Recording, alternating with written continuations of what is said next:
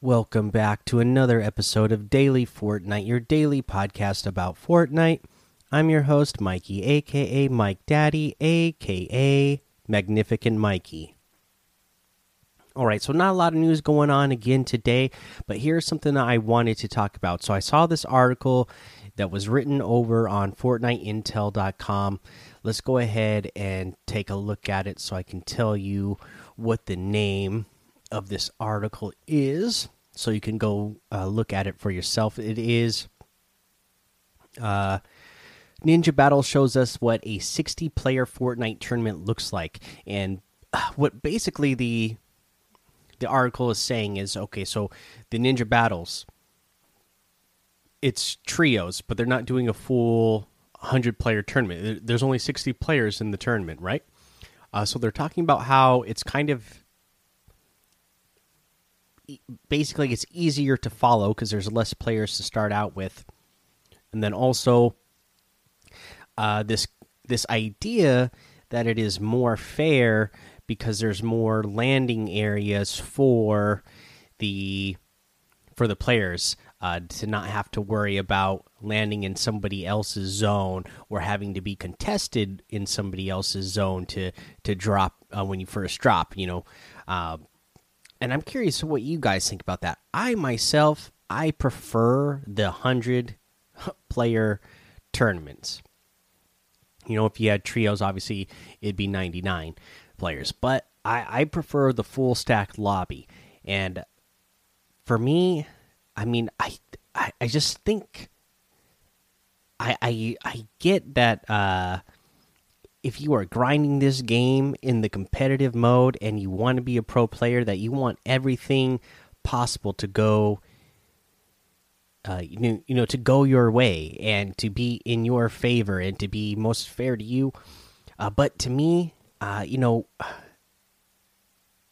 battle royales have never been in, in in any game ever that is a battle royale has never been about being the most fair for for the players, right? It's uh, about survival. It's about you know if you if two players happen to land in the same place at the same time, you know, uh, tough luck. You know, there's going to be other players that you know whatever spot they decide that they want to land at the beginning of the match, nobody else lands there, and uh, hey, they that that's the luck of the draw. Uh, I don't feel like we should be trying to cater to the to the players to the point where we we we would lower the amount of players in a tournament just so that every player in that tournament could say, "Hey, well this is my this is my drop spot, so nobody else go there. That's mine. Everybody find your own drop spot, uh, so we can all equally, uh, you know, get our mats and get our uh, get our loot before before we run into each other. I just to me that's uh, that takes some of the excitement out of it. Uh, the most exciting part of the game to me is the end game where you know you got a crazy amount of people all competing in a small area together. But to me, there is that excitement that. Uh, that intensity, the suspense of not knowing when you're going to run into somebody, you, that somebody might land with you at the same spot, and you guys might have to fight for resources uh, right away, or you might run into somebody in the middle of the match.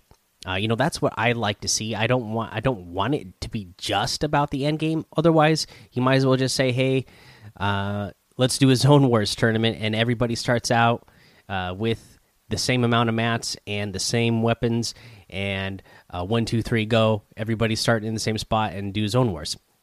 To me, that's not really what we're going for. the The battle royale is all about survival and sometimes, uh, you know, the RNG, just the the luck of the draw. Uh, so, uh, just curious what your guys' thoughts were was on that. I'd love to hear some of your thoughts. Uh, again, not a lot of news, and uh, you know, at this point, we don't have any new challenge tips. I saw that Brian RTFM pointed this out and I don't know if these are supposed to be, these are going to be new challenges to come out for the last couple of days or what. But the, if you go to the battle pass, I mean, if you go to the yeah the battle pass tab and then click on the challenge table, there is uh, there's a new one, a new tab that came up when you click click on there and you scroll through. You, there's one called Spy Games, and there's three slots there that say currently unavailable. Uh, instead of being all the completed challenges that you've done in the past. So maybe that's a clue that other challenges are coming out, or maybe that just messed up when they rebooted the the spy games stuff and unlocked all the tech. I'm I'm not sure. So we'll just keep an eye out for that, and if any challenges do come, we'll let you know. Uh, let's go ahead and take our break here.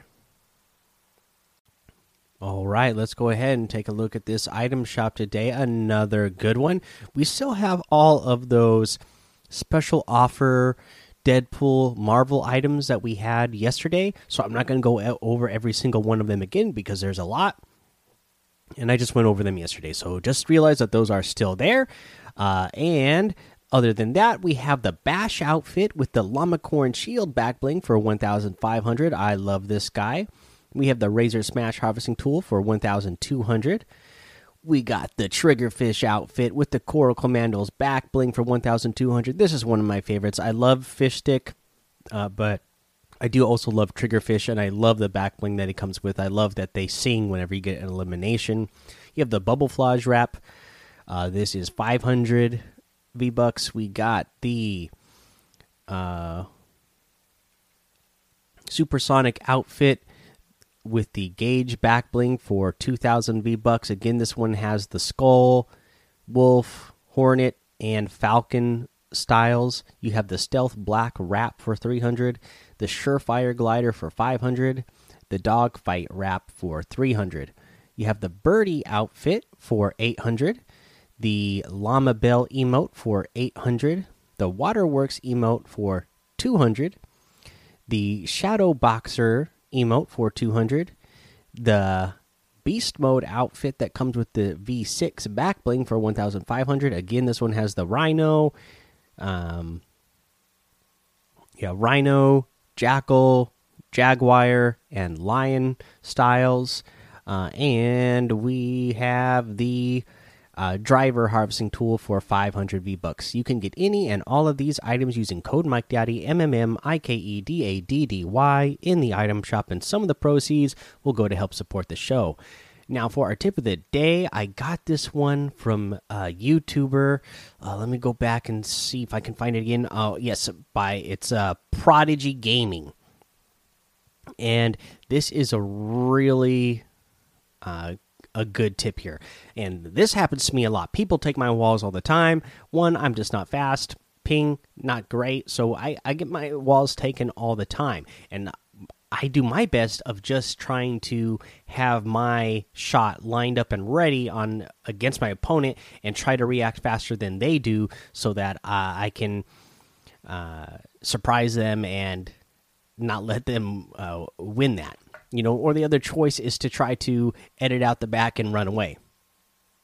Uh, now this I really like. So what you can do is, and if you're a player like me, I would suggest having a cone set down on the floor already, uh, because again, if you got bad ping or maybe you're just uh, slow to react, uh, it'll it'll help you out to have the the the cone already down. So when you have the cone down, once they take your wall, uh, what you're gonna do is edit at an angle.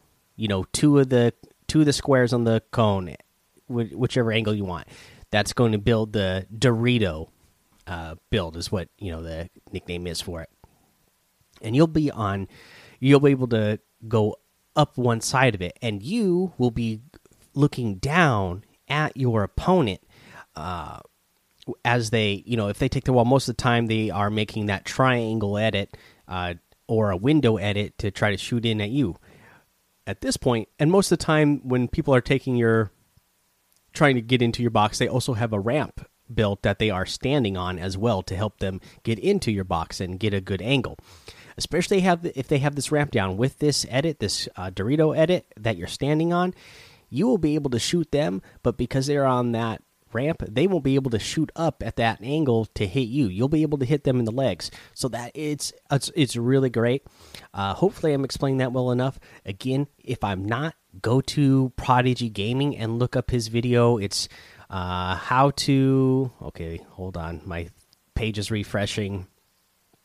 It is how to never die when someone takes your wall in Fortnite new trick. So this is a really cool uh, trick here. I would definitely suggest looking that up so you could see exactly how it's done. Really cool trick, and I think it's going to help out a lot of people who are in this situation like me, where again you just uh, don't have the best ping, or maybe you're just slow like me and uh, you have your walls taken all the time. All right, guys, that's the episode for today. Go join the Daily Fortnite Discord and hang out with us.